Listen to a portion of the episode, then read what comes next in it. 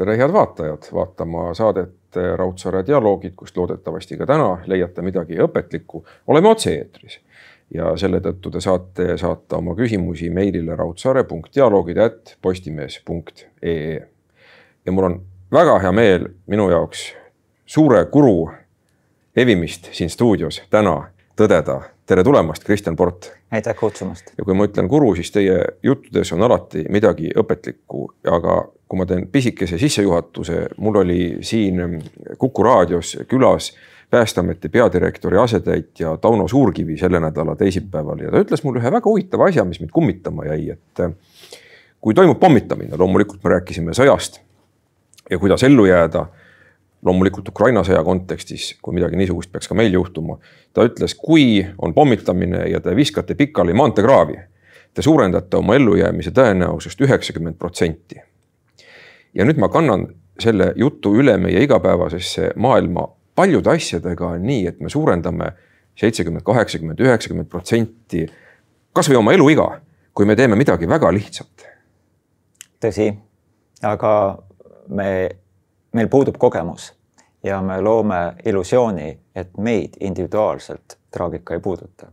järelikult me ei peaks ennast ette valmistama. surevad teised, eks ole. surevad teised ja noh, kraav on ebamugav isegi mõtelda, et, et ma olen erand ja, ja need uuringud näitavad erinevates riikides, et kui inimeste käest küsitakse, et, et võrreldes keskmisega, kas sinul on läinud enam-vähem nagu teistel kehvemini kui keskmisest või paremini ja kuskil kaheksakümmend protsenti suurusjärgus ütlevad, mul on läinud keskmisest paremini, mis on statistiline nonsenss, kuna välja peaks tulema keskmine, et osadel kehvemini, osadel paremini. kõik peaks vastama keskmist, aga see näitab, et me oleme ise optimistid. Mida on vaja, et, et kui esmaspäeval üles ärkad, peeglisse vaatad ja sa pead olema optimist, et juled, julged teha midagi enamat. aga meie ühiskond üha rohkem elab sellises kroonilises stressis ja pigem sa ärkad üles ja vaatad, kas sa ellu jääd. et see on selline vastuolu, et, et me peaksime ennast, endast rohkem hoolima. See on õige, sest kui me ise endast ei hooli, no kes siis meist veel rohkem hoolib ja siin on ka väikene vastuolu meditsiinisüsteemis, et meil on minu meelest parim tehnika, mis meil kunagi olnud on. kui ma vaatan Eesti haiglate varustust, see on ju suurepärane võrreldes nõukogude ajaga kui mul ka oli paraku võimalus haiglas viibida ja, aga samal ajal ega siis arstid ei tee sind terveks. Nad võivad sind küll ravida, aga mõistlik on olla terve ikkagi ennetavalt. mida me ka tänapäeval ju räägime üha rohkem, inimene suudab oma tervelt elatud aastaid ikkagi iseendale anda rohkem, mitte nii, et tuleb üks onukene või tädikene, kes annab pilli, teeb süsti ja oledki terve. meil on tõesti mitme tuhande aastane arusaam, et arst võtab haiguse ära ja see see on olnud tõsi, kuna enamus noh, keskmine eluiga, lähme üks sajand tagasi, oli seal kuskil neljakümnenda eluaastani keskmine, noh, elati seal kuue-seitsmekümneni ka, aga ütleme, keskmine ja laste suremus oli hästi suur, mis, mis viis selle numbri alla. aga peamised haigused olid mürgitused, nakkushaigused, noh, mõned vigastused. mustkatk. jah, mustkatk viis ära kolmandiku rahvast, aga, aga see, kes ellu jäi, jäid ellu ja, ja räägiti ju rohkem, et need arst võttis haiguse ära. aga meil on nüüd eelmise sajandi jooksul on üks huvitav nähtus, mida tavaliselt ei teadvustata, on see, et globaalne keskmine eluiga duubeldus ehk kahekordistus ühe sajandi jooksul. see ei ole mitte ainult Eestis kasvanud, vaid on kasvanud seal Aafrikas ja igal pool, et, et globaalne keskmine rahvaarv on kaks korda duubeldunud, sajandi alguses oli seal üks koma seitse kaheksa, sajandi keskel kolm pool, lõpuks seitse. ja see kõik viitab sellele, et, et tervishoid on muutunud paremaks, aga ta on võtnud ära peamiselt need nakkushaigused. aga nende asemele on tulnud nõndanimetatud tsivilisatsioonihaigused ja nende haiguste suhtes arst saab diagnoosi panna, ütleb, et this is it, et nüüd on kõik, et et ülejäänud sõltub sinust. no te olete ise kirjutanud ju, et uus katk on istumine me küll siin ise istume ka, aga me ei istu siin terve päeva. jah, me peame istuma, et, et see on ju ka sotsiaalne kokkulepe, et, et, et inimesed saaks kokku, mingil hetkel tuleb nad ära fikseerida samas ajas, samas kohas, istumine on, hoiab energiat kokku.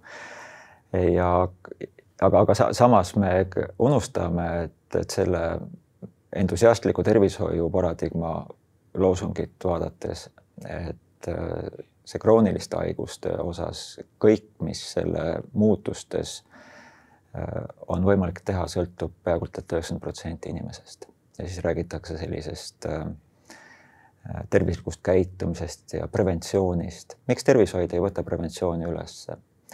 sellepärast, et preventsioon muudab tervishoiu veelgi kulukamaks ja kui me praegu vaatame kogu seda strateegiat, et meil on enam-vähem sünnist peale hakkab suremine, et noh, traagiline statement, aga igal juhul me ära sureme. Aga ta, ütleme, see inimese vananemine on selline suhteliselt aeglane protsess ja siis saabub, see on, nimetatakse ka subkliiniliseks või enne haiglasse jõudmist. ja siis on see viimane osa, mis on pööraselt kallim, see haigla osa ja siis pikendatakse eluiga, ütleme seal juba seitse-kaheksa aastat selle kroonilise haigusega. kusjuures Eestis see haigustest vaba eluperiood on üldse kuskil viiskümmend neli-viis aastat. lühem kui arenenud lääneriik. lühem, lühem jah. Aga me oleme harjunud siis aru, mõtlema, et okei okay,, et aga panustame haiglasse raha rohkem.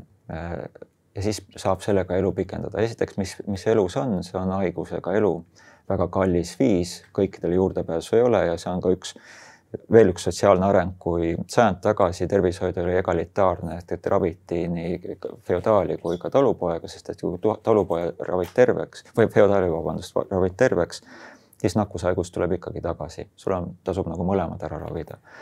nüüd me näeme, et ta on elitaarne, et, et äh, elukvaliteedi teenuseid, tervishoiuteenuseid saab see, kellel on rohkem raha, aga ma hüppasin korraks sellelt teemalt kõrvale.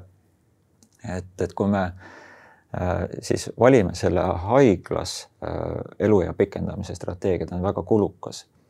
ja, ja kui me võtame ära kaks peamist enneaegse surma põhjust, üheks on kardiovaskulaarne sündmus, et insuldiinfarkt ja teine on siis vähk, et kui me need kaks ära võtame, siis eluea keskmine pikenemine on võib-olla viis-kuus aastat. seda on suhteliselt vähe ja see on väga kallis. aga kui me saaksime seda elu vananemise perioodi pikendada, mis on siis kliinilisest ruumist väljapoole jääv selles kogukonnas toimub kehaliselt aktiivsem elu, noh, mitmekülgne elu siis, et ma ei ole siin spordisõnumit edastamas, siis eluea pikendamist hinnatakse, et see on kuskil kolmkümmend, võivad isegi nelikümmend aastat, siin erinevad bioloogilised mudelid näitavad, et inimene suudaks elada seal saja kolmekümnenda eluaastani. just äsja suri ära see jaapanlanna vanem daam, ta oli seal saja kahekümne juures ja kes see prantslanna oli, Clement Äh, Jean Clement, et tema oli siis, suri saja kahekümne kaheselt. tavaliselt on need pikaealised seal sada kümme, neid väga palju pole juurde tulnud. see tähendab, et sealt sabast äh, me väga kaugele ei saaks pingutada, meil ei ole vahendeid võivad mingid tehnoloogilised. füsioloogilisi vahendeid. füsioloogilist, või me, me räägime tehnoloog tehnoloogiast või me räägime, et siirdame aju ja eneseteadvuse sinna tehnilisse maailma, ütleme, see on täiesti teine teema. aga me teame, et me ei peaks kaheksakümneselt ära surema vaid võiks sinna saja kümne juurde või isegi saja juurde. no mulle meeldib juurde. mõte surra tervelt. igal juhul tervelt surra ja naeratades surra ja ma mäletan ühe norrakaga rääkisin. tema ütles, et tema tahaks surra suusatades. Keset äh, lumevälja kuuvalguses äh,, mis võiks olla ilusam ja see on arvatavasti kõikidele tema lähedastele samamoodi. selle asemel, et, käia tükk aega kliinilises keskkonnas äh, neid plastikust katteid jalgadele pannes ja siis kurva näoga astudes ja üritades nagu naeratada, et, et kümme aastat, see ei ole õige strateegia. Aga siin ma tulengi ühe enda natukene kurva kogemuse juurde, et olen tegelenud palju jooksmisega, kolmkümmend aastat, see on olnud mulle väga oluline tegevus põlved hakkasid valutama ja läksin tomograafi ja siis mulle öeldi niimoodi, et ja vaadake, te peate nüüd rohkem autoga sõitma mm. -hmm. ja ma olin mitu kuud depressioonis, millest ma ei suutnudki kuidagi õieti kiiresti välja tulla, et no okei okay,, nüüd ma sõidan rattaga, ma jalutan, on paremad jalanõud ja mul on üks hea sõber, kes on ka spordifüsioloog ja ütleb, et ta paneb mu ühel hetkel jälle jooksma, et mul on nagu lootus. aga kuhu ma tahan jõuda, on see, et meil on suurepärased masinad aga see inimesega suhtlemine ja see inimese enda ressursi vabastamine ja, ja tema motiveerimine, see on meil vist meditsiinisüsteemis natuke nõrgavõitu. mitte ainult meditsiinis, ega meditsiinisüsteem ei ole diktaator, meil, meil on ühiskond, kes ootab meditsiinisüsteemilt teenust.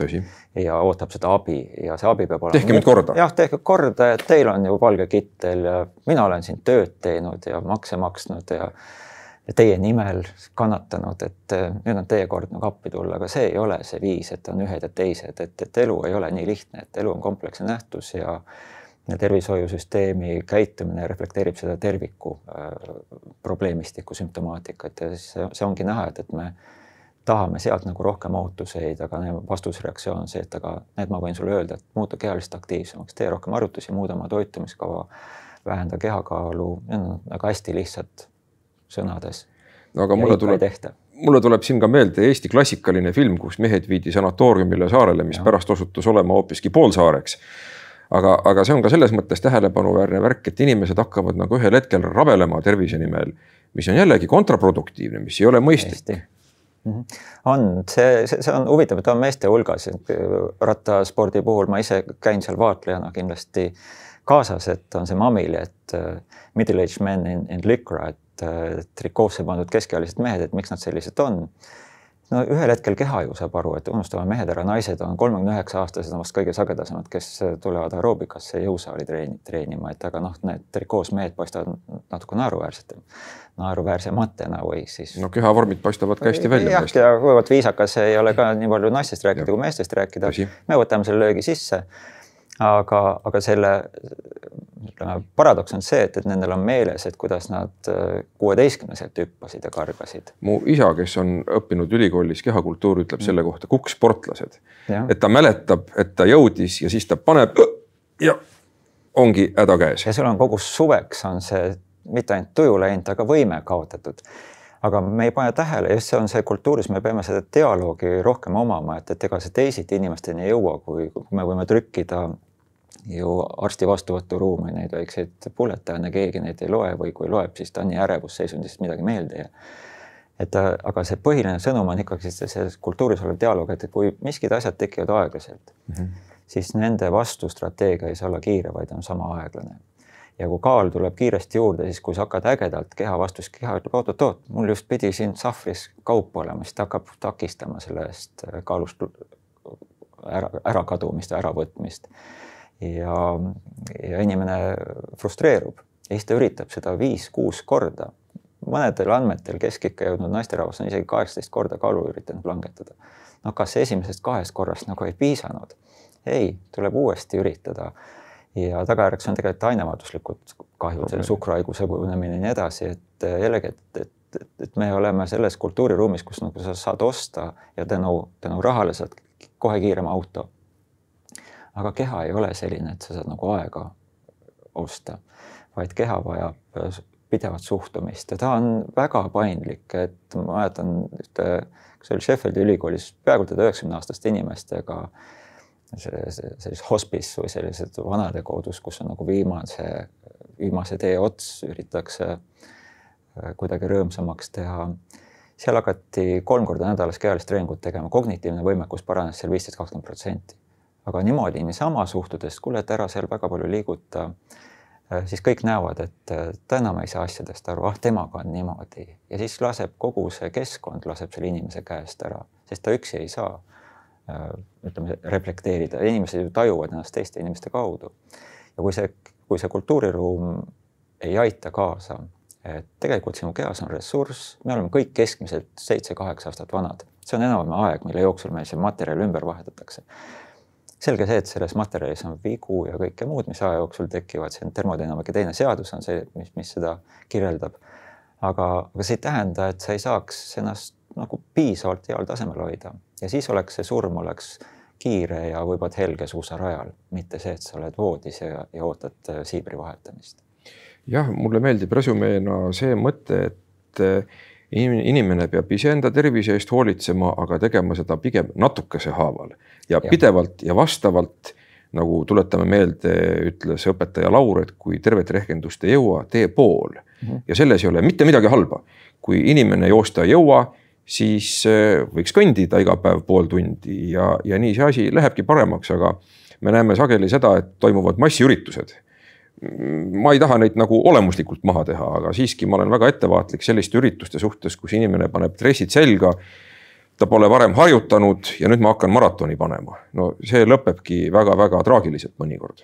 enam jah, ta on mitmekihiline nähtus, ühest küljest, kui on näha, et kultuur aktsepteerib sellist kohmakate inimeste osalemist massiüritusel, seal on tipud ja seal on see põhirahvamass ja siis on natukene aeglasemaid ka see julgustab osalema mm. -hmm. ta samas deformeerib, ma tean juhtumeid sellist natuke nagu tehnoloogia ja mehhanistliku suhtumisega kehasse, neid, see liikumine on ka maailmas selgelt olemas kui body hacking et ja et me otsustasime ka maratonist osa võtta, siis me võtsime seal ibuprofeeni pool pakki ja, ja, ja, ja mis me veel tegime ja siis läksime jooksma ja jooksime selle ära.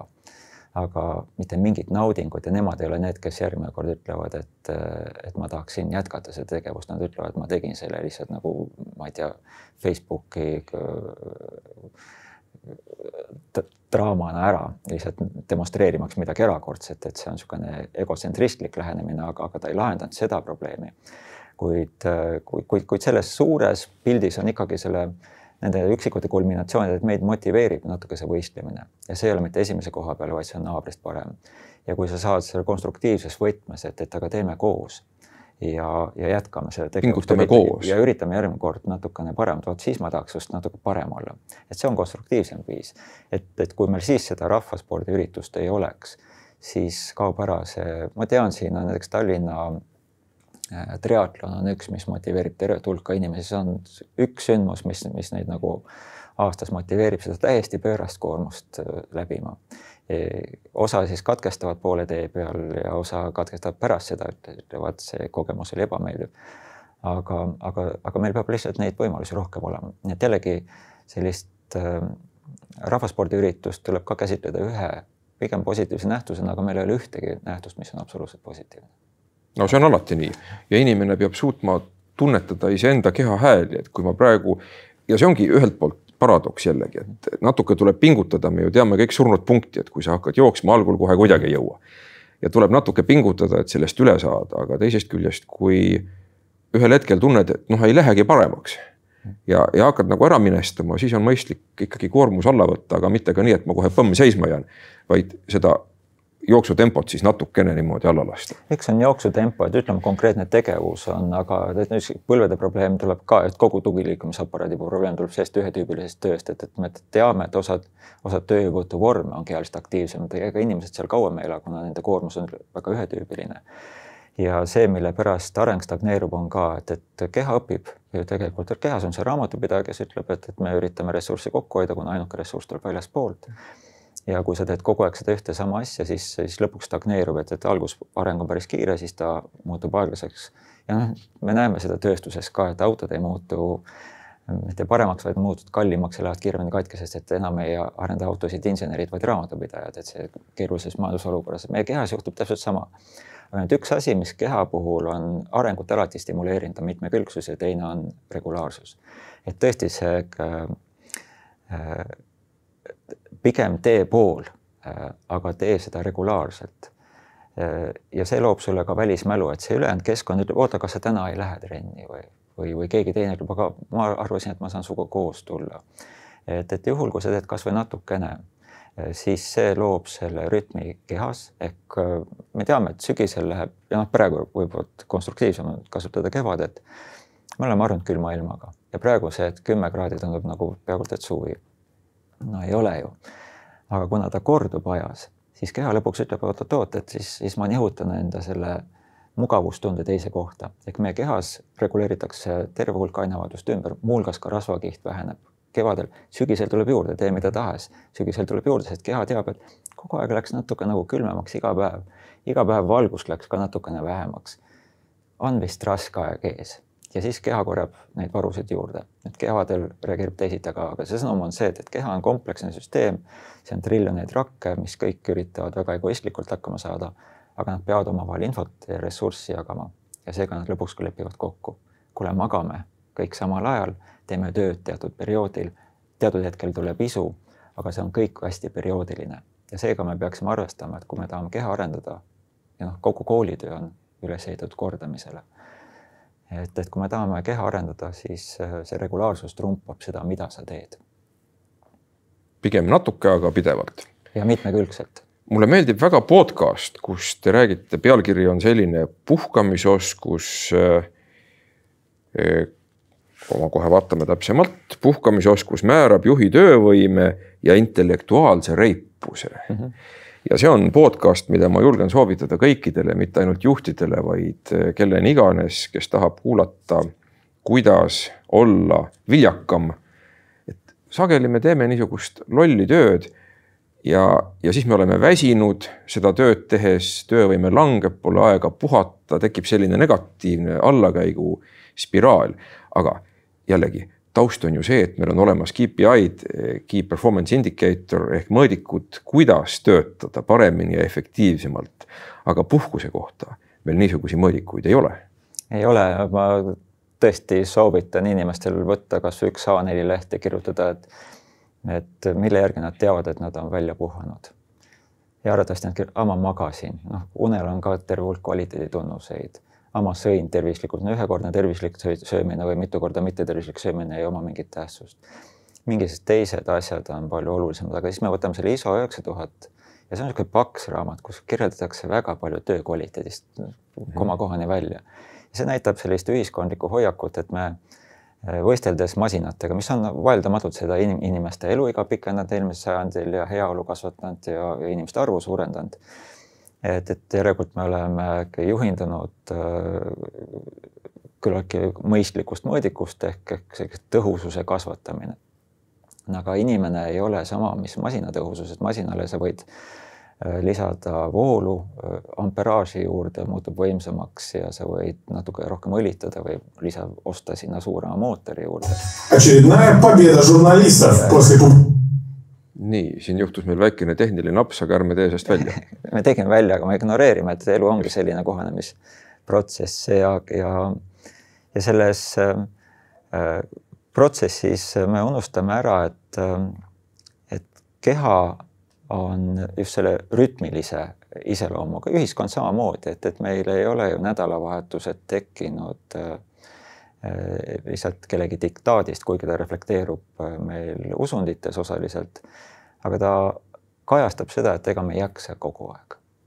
ja siis on see vastuolu selle mehhanistliku maailmaga, vabrikumasinaga, et seda me võime seda tootlikkust kasvatada nupu vajutamisega või rahaga, aga inimesele äh, on vaja anda puhkust, ehk meie töö vahendab, süda lööb tegelikult ka, et, et ühel hetkel, kui süda vett, verd paiskab, ta teeb jube palju tööd, aga ta saab süüa, taastada ainult selle lühikese perioodi jooksul.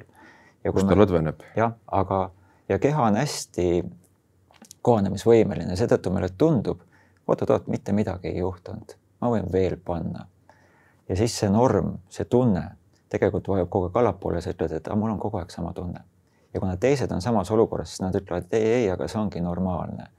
et ma magasin ka ainult kolm tundi, mul on ka raske, et aga teeme nüüd seda ja tulemuseks on see, et tehakse sama tööd suuremate vigadega ja aeglasemalt mille tulemusel tehakse veel rohkem tööd, mille tulemusel kaevatakse ennast nii auku, et äh, päris maailm enam ei paistagi. tekibki see negatiivne allakäiguspiraal. ja otsitakse tehnilisi vahendeid ja mäletan mõned aastad tagasi, meil iga aasta ju loetakse kokku õnnelikud, õnnelikud riigid. Eesti ei ole selle õnnelike riikide tipus, kuigi kaheksakümne kilomeetri kaugusel on see riik, kes on seal tipus. Eesti on seal kuskil seal viiekümnenda, kuuekümnenda koha juures, et äh, ja me räägime väike ja tark rahvas, no ei ole. aga see on huvitav, see indeks, seal on tipus nii Soome kui Bhutan, mis on ju tohutult erinevad. Bhutanis võeti mitte skp indeksiks, vaid rõõmu tajumine, et kui rahul ollakse ja noh, jällegi natuke see keskkond ka, mõõtmised ka, aga Bhutani võime erandiks pidada, aga me näeme arenenud riikides, terve hulk arenenud riike ei ole seal sugugi tipus. ja, ja, ja see on selline ju nähtamatu elevant selles suures ruumis, et, et me oleme arenenud riik, aga me ei ole jätkusuutlik, noh, meie iibekordajad on kõik arenenud riikides mitte jätkusuutlikud. ja, ja siis me teeme seda rohkem tööd, aga see, see paralleel, mis ma tahtsin tuua, on siis mõned aastad tagasi, kas London School of Economics paluti, et aga, aga õnnetaju meie töökohal, et, et et mõõtke see ära või andke meile ülevaade, siis nad ütlesidki, et tead, inimesed tajuvad äh, tööl õnne tänu edule, edukusele, mitmekülgsetele väljakutsetele. ja siis tuli välja, aga tegelikult seda päris õnne tajutakse rikaste inimsuhete kaudu. Ja need ei ole mitte raharikkad inimsuhted, vaid emotsionaalselt rikkad, räägitakse mitmesugustest asjadest, räägitakse asjadest, mis on olulised, tõsised. ja siis tuli välja, et mida tõhusam töötaja sa oled, seda vähem sul inimkontakte, kuna sa oled automatiseerinud oma töö ära. ja seda õnnetum sa oled. ja aga sul on palju raha. ja siis meil need käärid kasvavad, et kas õnn on raha. et me teame, et teatud piirini alates sissetulek määrab, kui hea on olla. ilma rahata pole ka väga rõõmus olla. jaa, aga see on teatud piirini, aga sealt edasi me näeme, et ostetakse kahekümne viies Porsche ja kas see on siis tõesti õnne märk, see on sümptom, et inimene on õnnetu, et ta ei ole leidnud seda. aga teisest küljest sa näed inimesi, kes on heal järjel, aga nad otsivad uusi seiklusi, kes läheb sinna Bhutani matkama, kes otsustab heategevusega alustada et nad ei jätka selles samas äh, oravaratas, kus nad olid, vaid siis nad saavad sändis nagu vahendeid avastamaks, et äh, see eksistentsiaalne rikkus asub kuskil mujal kui igapäevane see ühe eesmärgi nimel pingutamine.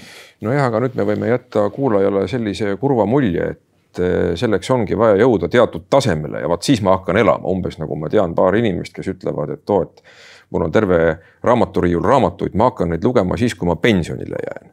See on väga ohtlik arusaam, tegelikult tuleks iga päev natukene lugeda, sest et ega me ei tea, kas me üldse pensionile kunagi jääda saamegi, mitte ainult noh, selle tõttu, et me ei ela nii kaua, vaid selle tõttu, et pensioniiga lihtsalt liigub administratiivselt eest ära.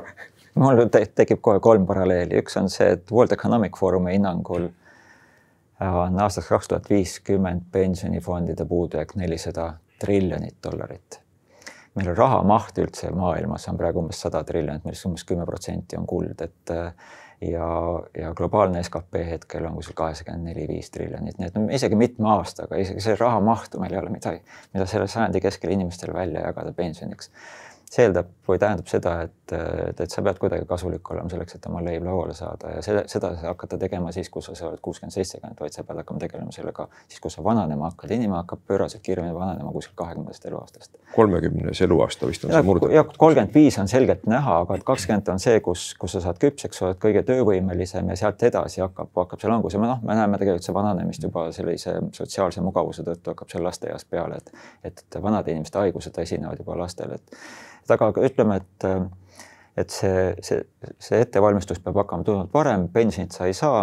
Ja mul on siis teine paralleel, mis meelde tuleb, aastaid tagasi lugesin ühest toredast intellektuaalsest perest, isa ja ema olid mõlemad ülikoolis õppejõud ja siis nad pingutasid selle nimel, et et vot, kui nad pensionile lähevad, et siis nad reisivad ja siis nad loevad raamatuid ja nad on sisemiselt rikka olemisega ja väga toredad lapsed, lapselapsed. ja siis saabus pension ja isa, isal tekkis ähm, südame rütmihäire.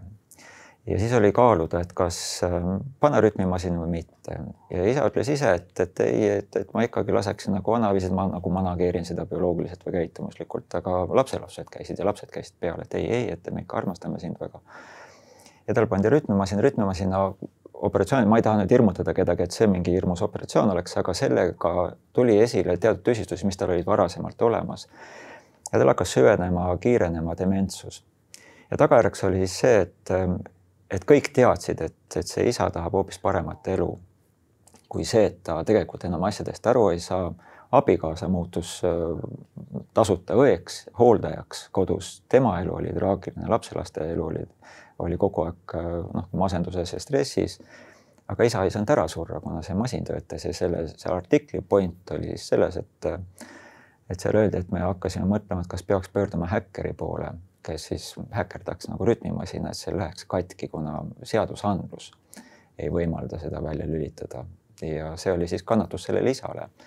ja, ja see on see, et kus me tehnoloogiliselt üritame siis äh, lahendada neid üksikud isoleeritud probleeme, et vot kui kui inimene ära sureb, siis kirjutatakse surma põhjus. siis on konkreetne probleem, terve hulk tehnoloogia ja, ja üli, ülikoolide laborid hakkab kohe selle probleemiga tegelema. aga me selles suures orkestris vahetame välja ainult, ütleme siis viiuldaja. aga ega seetõttu see helipilt paremaks ei muutu, vaid ta muutub ühetüübilisemaks, kui viiuldaja asemel tuleb robot ja tagajärg ei ole mitte elukvaliteedi paranemine. ja vot see on just see dialoog, mida kultuur peab omama, et mitte see, et, et arst lahendab ära, et arstil on neid traagilisi juhtumeid päev täis. ja arstide enesetappude tõenäosus on suurem kui populatsioonis keskmiselt, et, et see, see ei ole kerge amet, mis äh, leiab kogu aeg lahendused, et meil on üha rohkem vaja seda, seda, seda kultuuris jagatud kogemust ja väärtussüsteemi, mis aitab sellel tervikul nagu liik-, liikuda selle subkliinilises ruumis, mitte kliinilises ruumis. aga ma tulen oma küsimuse juurde tagasi, mis ilmselt on ka vaatajal juba meelest ära läinud, et ei ole mõtet äh, meelt heita mm. -hmm. et nüüd sellise uue elukvaliteedi saavutamiseks, et minna Bhutani või kuhugi olla digitaalne nomaad, on vaja ilmtingimata mingisuguse taseme saavutamist, vaid seda saab, oma elu saab muuta ikkagi natukese haaval, jupp jupi haaval ja alustada sellega kohe, väikeste asjadega, alustada ja. sellega kohe ja muide, ma ei tea, kui palju te olete vaenlasi saanud oma otsekoheste väljaütlemistega. üks suurepärane väljaütlemine, mis mulle meeldib, see oli võib-olla küll ka ajakirjanike poolt natuke liialdatud pealkirjas. kui sa ei maga, oled idikas. aga nii see ongi. Ja nii see lõpeb, et. muutud idikas. ja, ja kui sa sellest aru ei saa, siis ja. sa oled juba idikas, et, et kui sa ei väärtusta seda perioodi, mis loodus on kõikidele loomadele pannud, isegi taimed magavad siin et, et juhul, kui ja inimene magab suhteliselt pika osa ja tema unekvaliteedis on need REM-une fragmendid on suhteliselt kõige suuremad võrreldes ütleme vaatajale selle definitsiooni. REM-uni, meil on kaks unefaasi peamiselt, millest räägitakse, üks on see non-REM, et see on rapid eye movement, kus silmad liiguvad mm. magades, kes, kes näeb võib-olla partneri silmade liikumist ja võib-olla tajub ise ka. see on siis peamine, kus und nähakse ja see on, kus toimub terve hulk kesknärvisüsteemis arvatavasti või peamiselt rääkis koristustööst, et seal avastati seal kaks tuhat kaksteist, viisteist selline ähm, glümfaatiline süsteem, kus tulebki välja, et väga-väga väikestes sünap-, sünapside, kus üks närv annab teisele signaali edasi. sinna tuleb välja, et on väike toru, tuleb piltlikult öelda, sest toru saab seda ainet puhastada, seda koridori ainult siis, kui, kui inimene on hästi rahulik.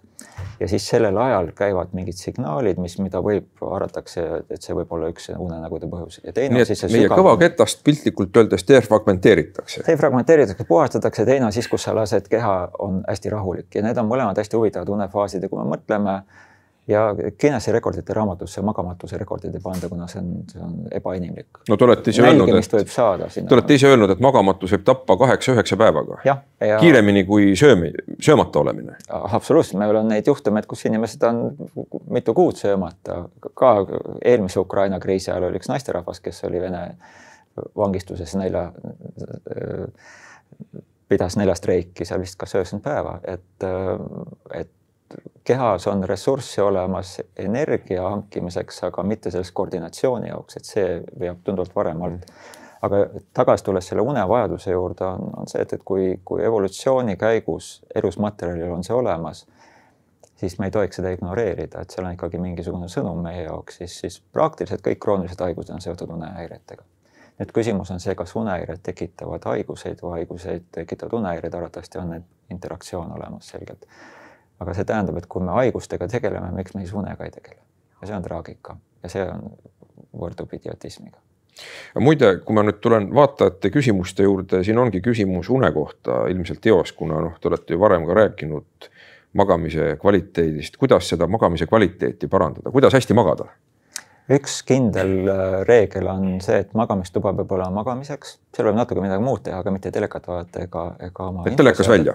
telekas info, noh, telekas on juba ammu välja läinud, paljus kodus polegi, aga infoseade on see, mis siis äh, segab seda erutust, jah. ja teine on, et, et magama minna samal ajal, sõltumata, kas sa oled nädalavahetus või mitte noh, selge see, et meil on sotsiaalseid kohustusi, mõned sünnipäevad ja nii edasi, et neid üksikutest raskustest me saame alati jagu aga pidada silmas seda, et, et minnakse samal ajal magama, tõustakse enam samal ajal üles, et mitte see, et nädalavahetusel, oo siis ma magan pikemalt sisse, siis on esmaspäev ongi juba ära rikutud, et me, me see rütm on suhteliselt tundlik. aga samas sa võid nädalavahetusel ühe, ühe tunnikese võib-olla rohkem, ma ei tea, voodis olla või, või, või magada, aga kui sul see rütm tekib, siis see enam-vähem peaks hoolima, et sellisest seitsme kuni kaheksa tunnisest unest. et kui väga palju läheb sinna kuue poole, võib öelda, et, et midagi on tervisega, noh, suremuse statistika näitab, et suremus kasvab ja kui läheb üle üheksa, suremus kasvab. et see üle üheksa minek on, on pigem arvatavasti mitte selline bioloogiline uni, vaid niisugune mingi nähe juba haigus. jah, et, et, et ei ärka ja ei suuda nagu ennast kokku võtta ja nii edasi, et, et, et need on mõlemad nagu piir, piirijooned seal kuue ja üheksa vahel tasuks und omada. Need on üks jällegi kultuuris äh, oluline on see, et äh, et me teismelistele heidame ette, kas sa magad ilgelt palju ja mängid siin arvutimängu, eks ole, muutud lolliks. teismelistel on vaja magada arvatavasti kümmekond tundi. ja see, et nende arvutimängust äsja tuli üks uuring, mis loetab, et, et, et, et see arvutimängu sisu on see, mis meid häirib vanematena, aga, aga arvutimängu kognitiivsed ülesanded, peast ruumiliste ülesannete lahendamine, perspektiivi tajumine, koostöö ja nii edasi, et need on kõik intellektuaalselt rikastavad, et IQ punktid tõusevad. seda on mul hea meel kuulda, aga samas vist ei ole ikkagi õige, kui seda arvutimängu mängitakse kella ühe-kaheni öösel. ja, ja see ongi see vastuolu, et ma mäletan ühte soomlaste sellest pehme, pehmemat uuringut, kus seal enam-vähem hinnang oli nii, et kuskil kuuskümmend protsenti vanemaid arvavad, et laps läks magama. noh, laps rituaalselt lähebki oma tuppa no me magama. lugesime ju teki all raamatut taskulambiga, nüüd mängitakse vaikselt Just. arvutimängu. ja, ja teismelistest mingi märkimisväärne osa ärkab keset ööd üles, see on see FOMO, fear of missing out ehk kas update itud on, et kas midagi Facebookis on ja kuna keegi teine ärkab ka ülesse, siis sa ei saa üles ärkamata olla, kuna keegi update ib seal midagi et eh, siis sa ei ole nagu grupiliige ja jällegi, et meil, me vastandame teismelisi ja, ja tarku täiskasvanuid. Eh, see üks, no mitte üks uuring, vaid see on seitse uuringut üle maailma, üks koma, üle miljoni, üks koma kolm miljonit inimest, mõnes on sada nelikümmend, mõnes nelisada tuhat inimest. Nad kõik viitavad, et see õnne tajumine kukub sealt lapsepõlvest alates neljakümnest on inimesed kõige õnnetumad ja siis nad õpetavad lapsi kõige rohkem, ma tean, mis on sul õige ja kuskil kuuekümneselt hakkab uuesti see tuju paranema, et me midagi ikkagi teeme väga-väga valesti, aga kui me ei diskuteeri ja, ja vastandame ainult teineteistele, et teie olete lollid lapsed ja mina ainult tean, mis on õige ja ma lähen uuesti tööle mul ei ole aega praegu sinuga tegeleda, et mul on siin nagu business'it vaja ajada. et, et, et see viib hukatusele ja, ja seda vestlust me peaksime omama, et need ei tekiks piire, vaid oleks võimalik kultuuri rikastada no ma arvan, et lastel on ka meile palju õpetada. arva, täiesti, et, et ma ise linna sõites oma pojaga rääkides äh, saan päris palju asju teada, loomulikult see koht tuleks nüüd ära kustutada. et, et ega lastele ei tohi liiga palju nagu järgi anda, aga et, et, et, et ma ei saa mitte teada nende suhete maailmast, aga mida nemad on leidnud, mis on tähtsad asjad ja, ja sina ei vaata, et meil kõigil on oma mingisugune lehter, mis, mis piirab seda maailmavaadet jällegi rikastamise küsimus, et kui avatud sa oled. küsimus vaatajalt, mis peaks olema jõukohane infarktihaigele, kui sa oled, noh, ma kujutan ette, haiglast välja tulnud. mis sport, liigutamine on jõukohane infarktihaigele? jah, mul on siin mitu vastust, et üks on see äh, vikatiga niitmine. Ma tean mingit. vikatiga niitmine? vikatiga niitmine, et, et ta on ülakeha rütmiline ülakeha tegevus ta ei ole väga suure koormusega ja ta aitab selle sügaval sisse väljahingamisele kaasa. aga kui on kõrge ein, see on ikka päris paras koormus, ma olen ise vikati no, ka nii. järelikult tuleb varem natuke hakata peale, et mm -hmm. ka see on üks, mida ma tean aegade eest jäi mulle kunagi meelde, et see on just kardiovaskulaarsete sündmuste, et alati tuleb arvestada, et me ei ole siin ju ravijuhiseid andmas, et mhm. kindlasti tuleb raviarstiga rääkida, aga aga, aga, aga see teine mõte, mis tuli, on ka kuu aega tagasi umbes tuli ühe uuringu tulemused, kus äh, anti inimestele lihtne ülesanne, et, tõsta raske asi üles kolmeks sekundiks päevas ja tee seda kolmkümmend päevas, nii et kokku üheksakümmend sekundit. jõunäitajad paranesid umbes kümme protsenti. Äh, järjepidavus, noh, raske asi ei ole lihtsalt, et, et ma tõstan ühe raamatu üles, vaid midagi, mis on päriselt nagu tundub raske, et, et lõpuks see ka areng stagneerub, et sa pead seda raskust suurendama, aga see lihtsalt demonstreeris seda, et see esialgne äh, see Wilfredo Pareto, see itaallane, kellel on see kakskümmend, kaheksakümmend reegel, et, et et tema seadus oli see et, et kahekümne protsendi itaallaste käes on kaheksakümmend protsenti riigi varadest, aga seda on siis hiljem tähele pandud, et et kui sa teed kakskümmend protsenti pingutusest, sa saad kaheksakümmend protsenti sellest kohandamisest kätte. et, et me tegelikult äh, ei vaja väga palju pingutamist äh, selleks, et äh, oma võimeid parandada, kui me võimed paraneb, siis me hakkame natuke rohkem tegema.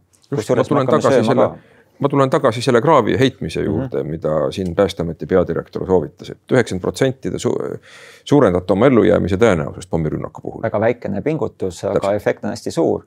aga lõpuks, kui iga päev iga inimene kraavi heidab kartuses, et järsku tuleb kohe pomm, siis me teame, et, et miski asi jääb nagu maailmas seisma et, et me, me peame igal juhul mitmekülgsed olema, aga see, et, et me loome endale rituaalse eesmärgi, et ei, ma praegu, ma tean küll, et vajalik aga aastavahetusel. ja niivõrd palju on neid aastavahetusel tullakse spordiklubidesse treenima, märtsikuuks on nad kadunud. järgmine periood hakkab seal kuskil maikuus, kuna suve tuleb meelde, et, et seal tuleb nagu rannahooajaks, rannahooajaks natukene ilusamaks, uued riided tuleb uus T-särk võtta. ja see vajub ka uuesti ära, see näitab, et inimesed äh, tahavad sellist suurt asja nagu rünnata, selle asemel, et hakata sellest väikeste sammudega, see kolm sekundit päevas.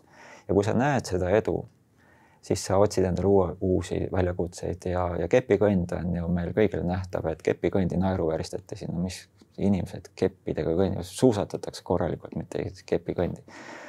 aga kuna sa ei pidanud sportlaseks hakkama, sa ei pea isegi keppama, sa võid lihtsalt peatuse võrra varem bussipeatusest maha tulla kõnnid selle vahe ära, teed selle regulaarselt, lõpuks leiad, et keppidega polegi täitsa nõme olla, et siin on mõned teised ka.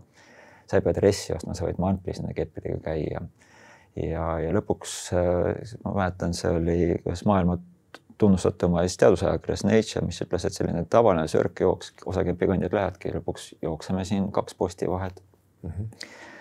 et selle narkootiline efekt või ütleme, see sõltuvuse efekt ületab heroiini oma. oo oh jaa, mitte et ma oleksin heroiini teinud, aga olles pikaaegne jooksja, ma küll ütlen, et see on see, millest ma puudust tunnen, see, see mõnutunne.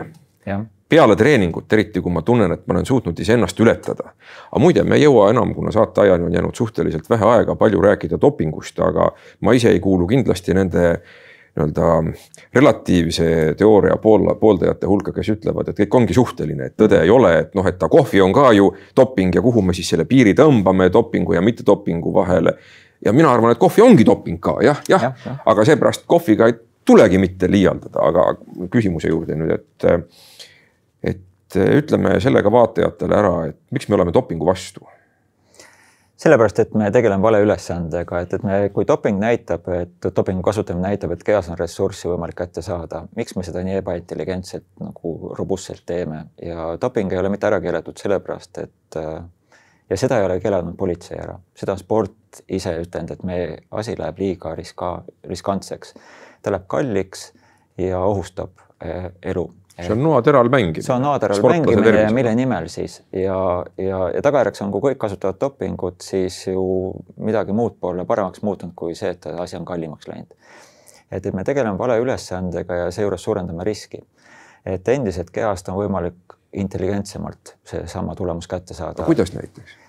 Äh, paremini treenides ja ma usun, siin on teisi paremaid mõtlejaid ütelnud ka, et, et ma arvatavasti on kaks põlvkonda vähemalt, et kus on doping on hästi, ta on rohkem poliitilise, nüüd on viimasel ajal ka majandusliku hüve saamiseks, et see kaheksakümnendatel oli pigem seal viiekümne, kaheksakümnendat, kui hakkas siis ta oli riikide relvadeta poliitika. no DDR-i naisujujad, mäletame neid hästi ja,. jah, et aga siis, siis oli rohkem nagu relvadeta sõjapidamine, aga siis, kui sport muutus, olümpism muutus ka materiaalsemaks, eh, siis on lihtsalt sissetulekuvahend ja, ja see periood on hästi lühikene ja see risk on hästi kõrge. aga selle probleem on just äh, selles, et, et me oleme selle perioodi jooksul ära unustanud, et äh, et me, me, me, me ise hindame ennast erakordseks loomaks oma intellektuaalse võimekuse pärast. ja me ei ole raisanud äh, või panustanud aru saamaks, et mis siis kehas paremaks muutub, et kuidas sinna sekkuda paremini. ja me oleme lasknud selle dopingul overrule ida või valitseda, et me oleme muutnud selle spordi liiga robustseks ja nüüd me näemegi seda valu ja, ja me ei pea isegi treenereid targaks, kui ütleme, et nagunii nad ei oska muud teha, kui ütlevad, et siis kui raskeks läheb, siis tuleb panna.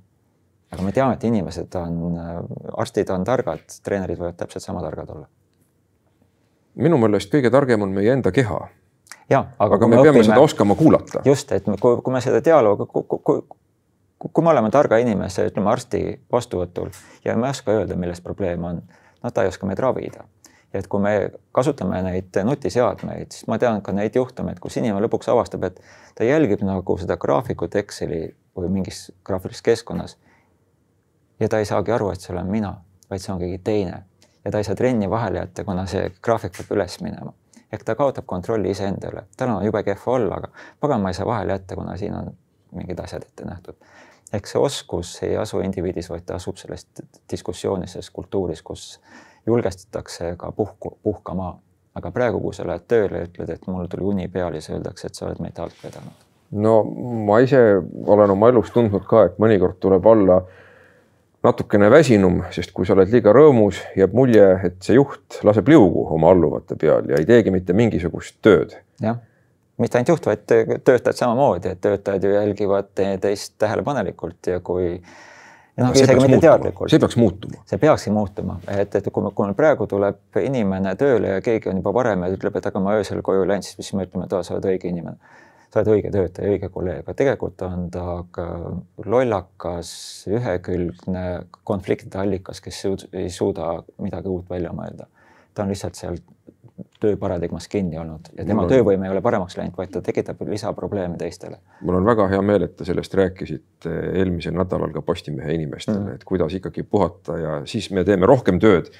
ja me oleme inimestena paremad, elame kauem ja sama kehtib ju kõikide suhtes. mitte ainult ajakirjanike suhtes. Jaak, et, et töö on universaalne nähtus, töö on, kus noh, mulle, ma soovitan mõtelda, et, et et töö on energia muutmine millekski kasulikuks. ja maailma kõige-kõige teadaolevalt keerulisem tööriist, mis energiat millekski kasulikuks muudab, on meie pea. meil ei ole ühtegi teist teadaolevat nähtust. miks me sellest ei hooli ja me peaksime sellest palju rohkem hoolima, siis me teeme palju kasulikumat tööd. selle mõttega ka lõpetame.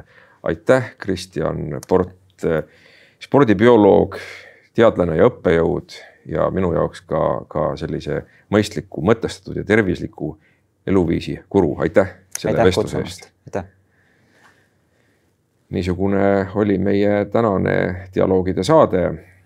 nii et retsept, mille te saite, ehk on lihtne, alustage kohe, alustage nüüd, aga alustage väikese ja jõukohase asjaga ja ärge hoolige sellest, mida teised arvavad kui te lähete näiteks kepikõndi tegema või võimlete ja teil ei ole ka õiget dressi seljas.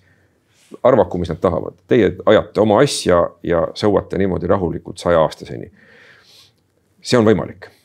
elage tervelt, hästi, kõike head, kohtume nädala pärast.